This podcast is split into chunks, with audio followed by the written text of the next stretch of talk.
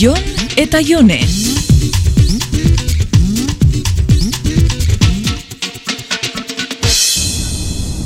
Jon, Jon, urteria hori da. Seguratzea. Baietz ba, kartelian jartzen dau ikusten Ikea. Eh, ba, oin ezin de maniobraik egin, eh? Bese, berandu egi.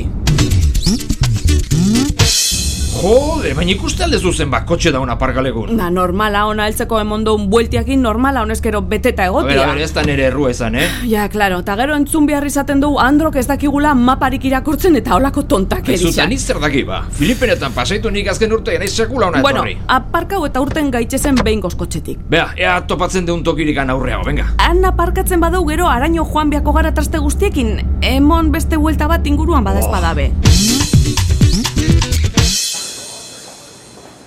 Jon, itxe idazu. Baina zertan zabiltza. Ba, poltzia hartzen, arkatza, metrua... A ber, ez aldezu baden apuntauta ekarri. Ia Jon, guazen lasai ibiltzera, eh? Hau ez da lasterketa bat. Gauzak ganoraz beiratu behar A dira. ber, jende gehiagi dago, eh, jone, bea, ni banoa aurrea, eh? Itxingo izutan. bai. Artizu behintzat poltza bat?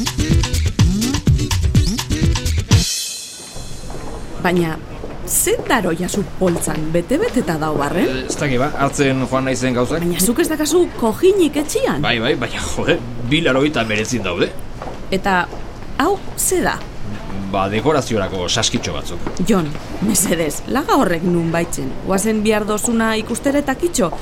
Ia, eh, mai bat, erroberadun bulegoko aulkixa... Bea, saski bat hartuko de jone, Z- zero laro eta berezin daude.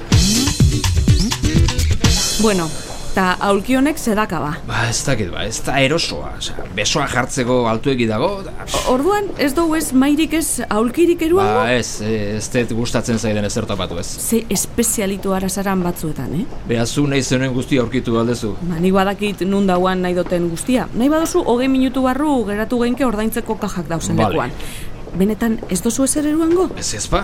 Maixa bez, mai bat jon, zebia daun mai batek zure gustokua izateko. Ba, feeling kontua da, jone. Zu bezalako persona logikoek ezin duzu hori ulertu, eh? Bea, nik poesia behar den ere inguruko altzarietan, eh? Eta hemengo altzariek ez dute poesierik. Be, instrukzio horri asko bai, baina poesierik batez. Bueno, poeta, ni banoian ere gauzen bila. Geratu zaitxe zure unikornio eta hortzadarrekin.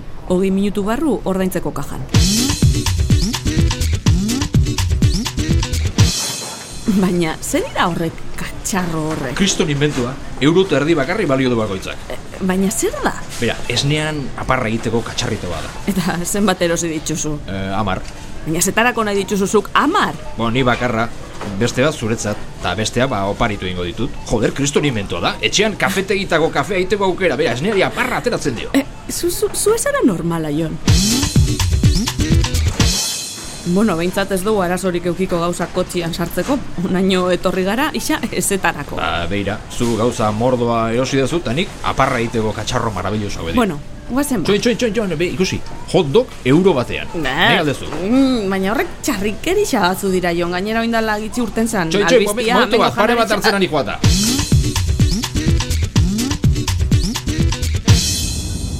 Jode, Jon. Ederra usaina lagadaben zure saltxitxa horrek Eh, kotxia. Beharra zuden, ba, buah.